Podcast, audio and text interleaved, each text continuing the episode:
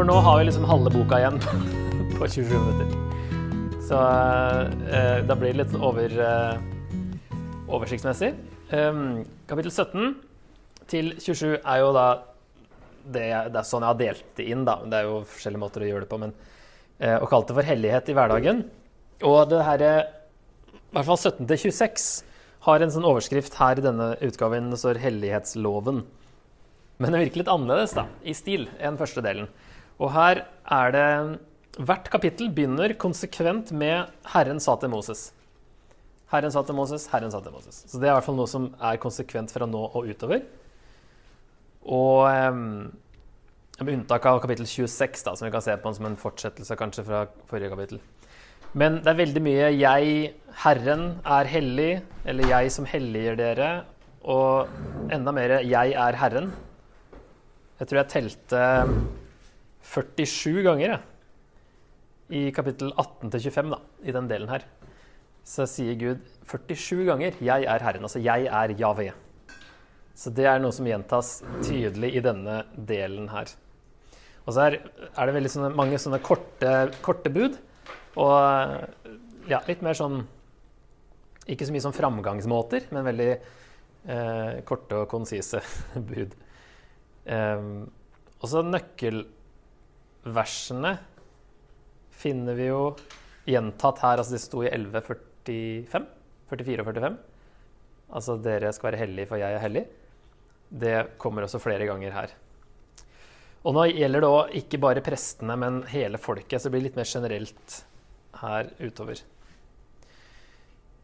Um, så først, kapittel 17 handler om å, det rette offerstedet og at de ikke skal ofre rundt omkring. Og det tenker jeg kan være det at Altså, det er liksom så alvorlig å drive og um, hvis, skal se, Det kan hende at en eller annen fra Israels hus slakter en okse, en sau eller en geit i leiren eller utenfor leiren, men ikke kommer til inngangen til telteledommen med dyret for å bære fram et offer herren, til Herren foran Herrens bolig. Og da har han det, regnes, det, skal regnes som blodskyld for den mannen. Han har øst ut blod. Mannen skal støtes ut fra folket sitt. Det vil jo effektivt i hvert fall sette en stopper for at man drev og ofra til andre guder. Når man, altså Slakter man et dyr et annet sted på en sånn rituell måte, da,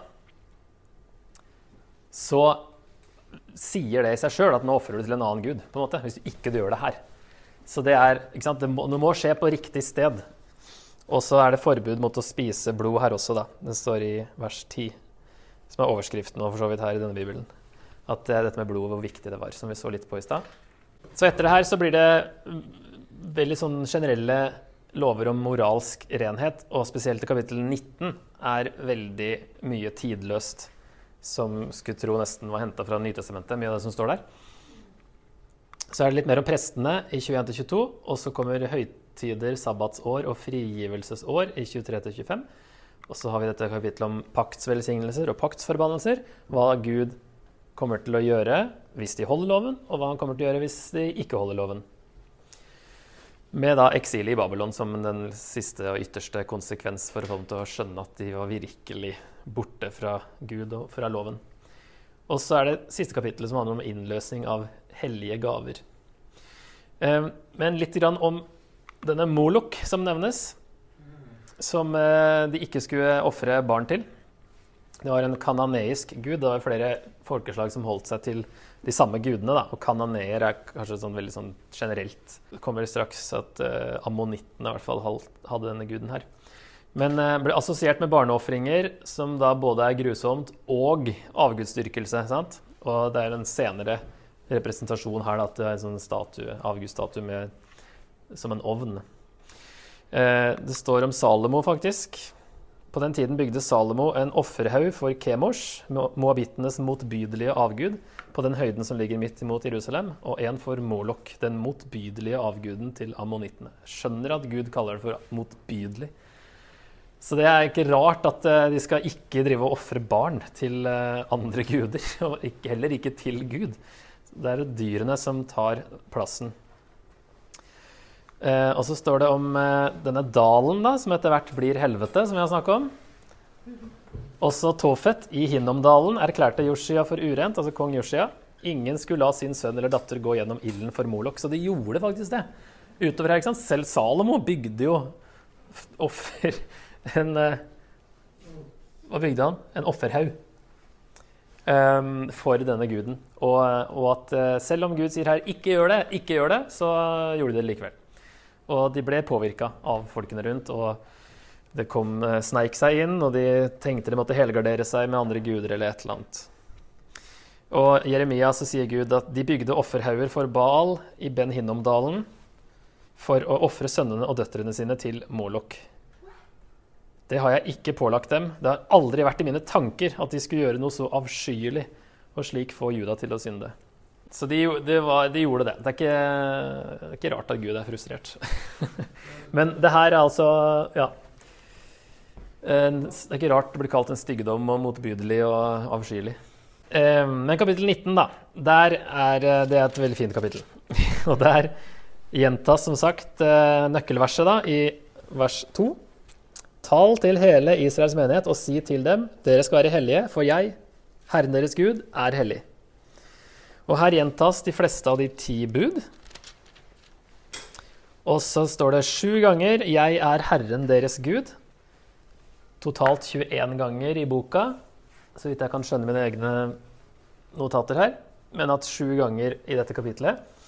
Og det er nevnt mer i kapittel 19 enn i noen annen bok i Bibelen. Uh, fordi 'jeg er Herren deres Gud'.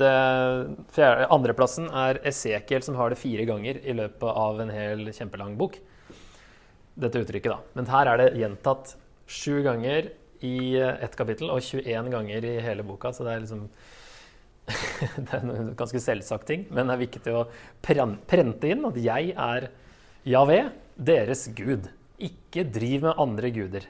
Jeg er deres Gud. Alt springer ut fra relasjonen med Gud.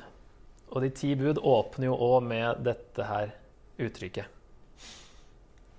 Så står det i vers 3 at eh,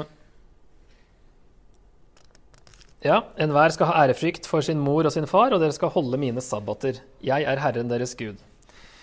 Så eh, det handler om hellighet, ikke sant? å være hellig, er det han sier i vers 2. Så det å ha ærefrykt for sine foreldre, det er hellighet. Det er et hellig liv. Eh, inkluderer bl.a. det. Og som også det står i ja, andre Mosebok, hedre din mor og din far. Så kommer det utover fra vers 9. Når dere høster inn korn i landet, så skal du eh, la det ligge igjen noe til de fattige. Så det å hjelpe de fattige og ikke undertrykke noen, det er òg hellighet. Et aspekt av hellighet. Vers 13. Du skal ikke undertrykke din neste eller røve noe fra han. Og skal ikke forbanne en som er døv, og ikke legge en snublestein i veien for den som er blind. Det er veldig konkrete eksempler på en, et prinsipp da, som kan brukes i mange andre områder. Um, ikke utnytte eller få uh, Ja, lage vanskeligheter. For uh, her er det jo konkretisert kanskje med døv og blind. Um, vers 15. Du skal ikke gjøre urett når du dømmer. Ikke holde, uh, holde, med den svake parten. Ikke ta parti for den mektige. Du skal dømme landsmannen din rettferdig. Så det er hellighet. Å dømme rettferdig. Ikke baktale. Det er hellighet, i vers 16 og 17. Og så har vi det å elske sin neste, i vers 18. Som bare nevnes her i Gammeltestamentet. Det er også hellighet. Å behandle innvandrerne bra er hellighet, i vers 33 og 34. Når en innflytter bor i landet hos dere, skal dere ikke gjøre urett mot ham. Skal være som en av deres egne landsmenn, elske ham som deg selv. For dere har selv vært innflyttere i Egypt. Jeg er Herren deres Gud. Og ærlighet i forretninger er hellighet i vers 35 og 36. Dere skal ikke gjøre urett mot noen når dere dømmer, når dere bruker lengdemål, vekt eller hulmål. Rett vekt og rette lodd, rett efa og rett hin skal dere bruke. Jeg er Herren deres Gud, som førte dere ut av Egypt. Så her får vi eh, mange praktiske eksempler på hva et hellig liv besto i for, for eh, israelittene, og at det ville si å følge Gud i hans karakter og hans, hans prinsipper. Da. så har vi da hvordan, altså eksempler på hvordan elske sin neste får vi også her, da. Være rettferdig, behandle folk bra, være ærlig, ikke baktale. Hjelpe fattige, ære foreldre osv. Veldig mye tidløst i det kapittelet her. Og det er ikke meninga at dere skal se detaljene her, men jeg bare satt opp en gang alt som man kan finne i Nytestamentet, fra, spesielt fra kapittel 19, men, men også Men også fra, fra andre kapitler, men spesielt fra denne del to av boka. Eh, veldig mye som gjentas av det som sies her. Så det er bare poenget. At det er veldig, veldig mye som, som viser Guds, Guds, karakter her, og som viser at Gud er den samme og har de samme prinsippene da, i Gamle og Nye testamentet. Um, men hellighet angår alle områder av livene. Da. Det ser vi jo egentlig her, spesielt i kapittel 19. Og um, Så vi skal ikke se på det her som en liste med regler skal altså er, Da blir vi loviske, ikke sant? hvis vi skal tenke på ok, var det rett eller galt, uh, og så må jeg passe på å ikke gjøre det og det og det. og det. Men heller det at Gud er den samme, hans standard er den samme. Selv om det er en annen pakt enn nå, så har ikke Gud endra seg.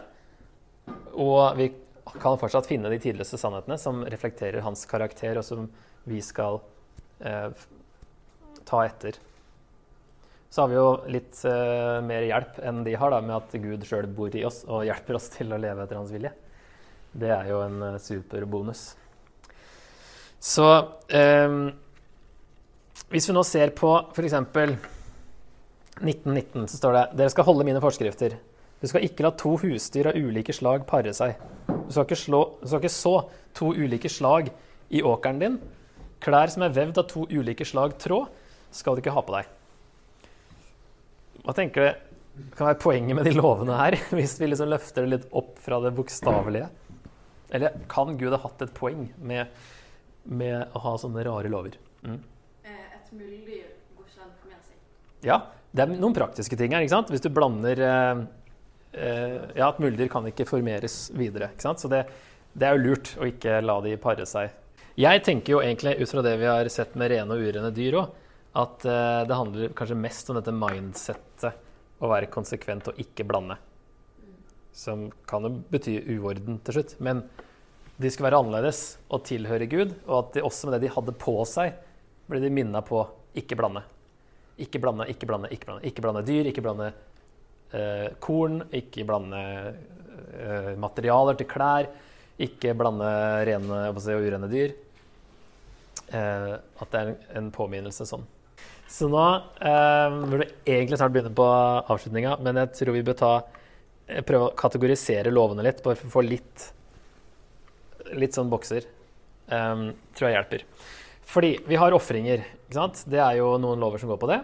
F.eks. kapittel 1-5, der alle de ble oppfylt av Jesus en gang for alle. Og det så vi i dette verset fra Hebreerne 9,12. At Jesus med sitt eget blod gikk inn i helligdommen en gang for alle og kjøpte oss fri for evig. Så alle de ofringene, de lovene, er jo eh, virkelig oppfylt i Jesus. ikke sant? Det blir helt baklengs å begynne med ofringer igjen. Og det får ingen nærmere Gud. Så har vi lover som går på hygiene, og her er det et passende meme. vet ikke om dere ser hva som står der, men uh, han sier da I don't, Bible, I don't read the Bible. It's full of outdated ideas that don't matter today. Og så svarer hun da It tells you, to, it tells you to wash your hands, cook your food thoroughly, and don't eat bats. And that's just Leviticus. Og det her er jo veldig nyttig nå i, eh, i eh, smitteverntiltakstida. Så gir Gud dem lover her som vil være ekstremt eh, til hjelp, og som fortsatt, vi ser fortsatt er eh, nyttige nå i en pandemi. Her har Gud sagt det samme for flere tusen år siden. Fordi Gud alltid har visst hva et virus og en bakterie var for noe. Så f.eks. 5.2.: personen personen rører ved noe som er urent, den døde kroppen av et urent villdyr eller av et urent husdyr eller av et urent kryp. Han var ikke klar over det, men blir likevel uren. Han har følt skyld over seg. Altså Man blir uren fordi det òg har med bakterier og sånt å gjøre. Å drive og ta på døde ting er dumt. Um, dette er loven om renselsesdagen, står det i vers 14, eh, kapittel 14. For den som er angrepet av hudsykdom, han skal føres til presten, og presten skal gå utenfor leiren og undersøke ham. Den som skal renses, skal vaske klærne sine, barbere av seg alt håret og bade. Da er han ren. Siden kan han komme inn i leiren, men han skal holde seg utenfor teltet sitt i sju dager. Her er det både isolasjon og karantene og rensing. Alt som vi er kjent med nå. Ikke sant? For uh, på Moses sin tid, ikke sant? Det er uh, det? 3500 år siden. Så, så, sa Gud de tingene som vi nå fortsatt holder. And that's just Leviticus. Ikke sant? Vi har enda mer i fjerde og femte Mosebok. Og andre, for så vidt. Så har vi sivile lover som gjaldt da Israel den gangen, ikke sant? I, eh, både i ørkenen og når de kom inn i landet. Um, det gjelder da å dømme rett, som vi så i stad. Ikke være partisk. Det er et prinsipp som fortsatt gjelder. Og så står det her når dere kommer inn i landet, det er i også kapittel 19, planter alle slags trær til å spise av, skal dere holde den første frukten de bærer, for uren. I tre år skal frukten være uren for dere og ikke spises. Det fjerde året skal all frukten helliges til Herren ved en gledeshøytid. Først i det femte året kan dere spise frukten. Slik får dere større avling. Så her er det også et eh, tips fra Gud. Gjør dette her, så får dere større avling. Eh, når en innflytter bor i landet hos dere, skal dere ikke gjøre urett mot ham. Det så vi jo i stad. At uh, Å beholde, eller holde de uh, be, Behandle innflytterne godt. Um, og hvis vi ser på litt sånn spesielle vers, da, som at dere ikke skal runde av håret på sidene og rake skjegget i kantene Hva er poenget med det? Ikke runde av håret på sidene og rake skjegget i kantene. Jeg skjønner ikke helt hva det betyr engang, men det er i hvert fall noe hvor de skulle klippe seg og barbere seg. Eh, så er det greit å se på konteksten. I verset før så står det dere skal ikke spise noe med blodet i. Dere skal ikke drive med spådomskunster og tegntyding, som i hedenske skikker. Og de drakk også blod i hedenske skikker, og det virker som det kobler sammen her. Eh, det er verset før. Verset etterpå er også litt kjent, for det er det tatoveringsverset. Der står det dere skal ikke rispe dere opp på kroppen i sorg over en som er død, og ikke brenne inn skrifttegn på dere. Og i hvert fall det å rispe seg opp ble gjort i, spesielt i baltilbedelse. At man skulle piske seg sjøl og uh, rispe seg opp for, at, for å få liksom, oppmerksomhet fra gudene.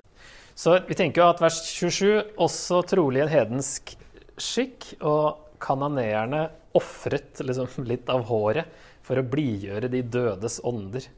Så um, Israel var kalt å være annerledes. Og det her høres veldig sånn praktisk og rart ut, og ikke skal klippe deg på den måten engang. Men så kan det ha med de andre religionene rundt å gjøre, da. Og derfor tenker jeg at tatovering her um, vil gå under i kontekst med det er litt usikkert faktisk hva ordet betyr òg. Skrifttegn. Det kan være male, male også. Og det gjorde man i andre religioner når man skulle eh, Det var liksom en hedensk skikk da, å male kroppen, og spesielt før man skulle gjøre et eller annet sånn rituale. Men uansett så tenker jeg at konteksten viser at det er forbundet med annen religiøs praksis. da, Som også da kanskje tatovering. Så jeg tror ikke det er liksom en, sånn, en synd i dag. Det er altså en, fjerde kategori, da. Det kan kalle for antikananeiske lover. Mange av de lovene som virker veldig rare å fjerne, kan bare være fordi de skulle være annerledes enn folkene rundt. Ikke gjøre ting som ligna på det de andre gjorde. Og ikke gjøre tingene som var eh, likt, eller gjøre de samme tingene. Så det er en annen kategori som kan være litt diffus, men eh, mye kan nok settes der når vi ikke skjønner helt poenget. Så er det kanskje fordi de skulle bare være annerledes. Og så er det jo lover som reflekterer Guds karakter generelt. da. F.eks. skal ikke stjele, skal ikke ljuge, skal ikke fare mot med svik. Det er ting som Gud heller ikke gjør. Eh, skal ikke sverge falskt med mitt navn, for da vanhelliger, de, vanhelliger du din Guds navn. Jeg er Herren. Dere skal ikke gjøre urett når dere dømmer. Gud er rettferdig. Gud sverger ikke falskt. Og han stjeler ikke og ljuger ikke og er ikke svikefull. Så alle de her tingene som bare er uttrykk for Guds vilje, vil jo være i andre typer lover igjen, da. Det var en rask eh, susing gjennom der, og da tror jeg at vi må eh, Da får dere se på de andre slidene videre, men vi tar en avslutning, bare. Eh, hopper vi dit. Hva betyr Tredje Mosebok for oss i den nye pakt i dag? Ok, Tredje Mosebok handler om veien til Gud og veien med Gud, har vi sett. Gud er den samme, han er like hellig nå, og hellighet er fortsatt veien til ham ved Jesus, det han har gjort, og veien med ham ved Ånden og det han gjør. ikke sant? Hjelper oss til å leve hellig, hellige liv fortsatt. Så det er de samme prinsippene som gjelder.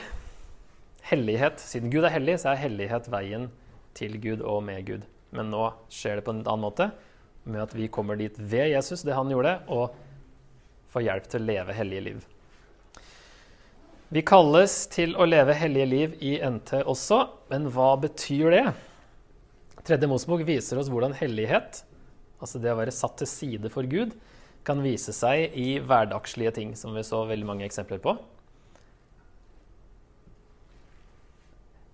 Hellighet i hverdagen. I helt hverdagslige ting så er det uh, hellige liv. Så det er greit å få liksom, konkretisert, kanskje, hva er et hellig liv? Og så får man i hvert fall ja, mange gode eksempler her. Gud kaller oss til å være annerledes enn verden. Vi er kalt til å bli mer lik Jesus, ikke mer lik andre mennesker. Sant? Det å leve annerledes, være adskilt. Da kommer disse endene inn. Først kommer denne her eh, lemen-bildet inn. Lemen som liksom av og til bare løper i flokk utfor et stup. Ingen tenker på eh, å være annerledes. Og så er det en liten lemen her som har på seg en sånn derre livbøye. Og så har han et sånn lite smil om munnen, som du kanskje ser hvis du zoomer inn. Og det er, ikke, det er ikke det vi er kalt å være, sånne kristne som liksom bare følger strømmen, men som har en liten sånn Jeg har eh, frelsesbilletten i innerlomma, men jeg sier det ikke til noen. Jeg bare følger flokken, men jeg er den eneste som kommer levende ut av dette her. Liksom. Eh, det er ikke sånn eh, Tredje Mosebok og Bibelen kaller oss til å leve. Men da er det heller som denne ene Anna der, som går imot Selv om det ser litt vanskelig ut å gå imot den flokken der. Men det å, det å være annerledes Vi er kalt til å være satt til side for Gud og leve på en annen måte enn det verden lever på. Og det er virkelig en tidligere sannhet, det å, å Altså, vi lever jo i verden, men vi skal ikke leve som verden. ikke sant? Det har Jesus også sagt. Veldig i tråd med tredje Mosebok. Um, og være oppmerksom på når vi blir påvirka, og når vi blander for mye. Som er gjentatt poeng i boka her. Og når hele verden siden syndefallet er i en strøm vekk fra Gud, så må vi svømme mot strømmen. Vi må være annerledes. Ellers så Altså hele verden er i opprør, er jo det Bibelen sier, ikke sant? mot Gud. Så ved å følge strømmen så vil du skli bort. Så det må vi være oppmerksom på. Så den her som vi hadde i starten, hva skjer når du har studert Tredje Mosebok i ti år? De punktene hans eh, tenkte jeg bare å hente fram igjen nå helt på slutten. Hva skjer når du studerer Tredje Mosebok? Jeg tror det er veldig sant, det han sier. altså. Og hvis vi tar én og to sammen, det at du, lengter etter Guds hellighet oftere, du frykter Gud mer, så har jeg oppsummert det som at det skjer fordi du ser hvor hellig, ren og adskilt Gud er fra verden og fra deg, og hvordan han kaller israelittene og deg til et liv preget av hans hellighet og til å holde deg unna synd. Tidløse sannheter med likheter mellom oss og israelittene. Og at vi vil elske Jesus høyere fordi han er det fullkomne offeret som tar seg av all synd i fortid, nåtid og fremtid for alle mennesker en gang for alle, og som gjør det mulig for deg å ha en relasjon med en hellig Gud. Derfor vil vi elske Jesus høyere ved å bruke tid på Tredje Mosebok.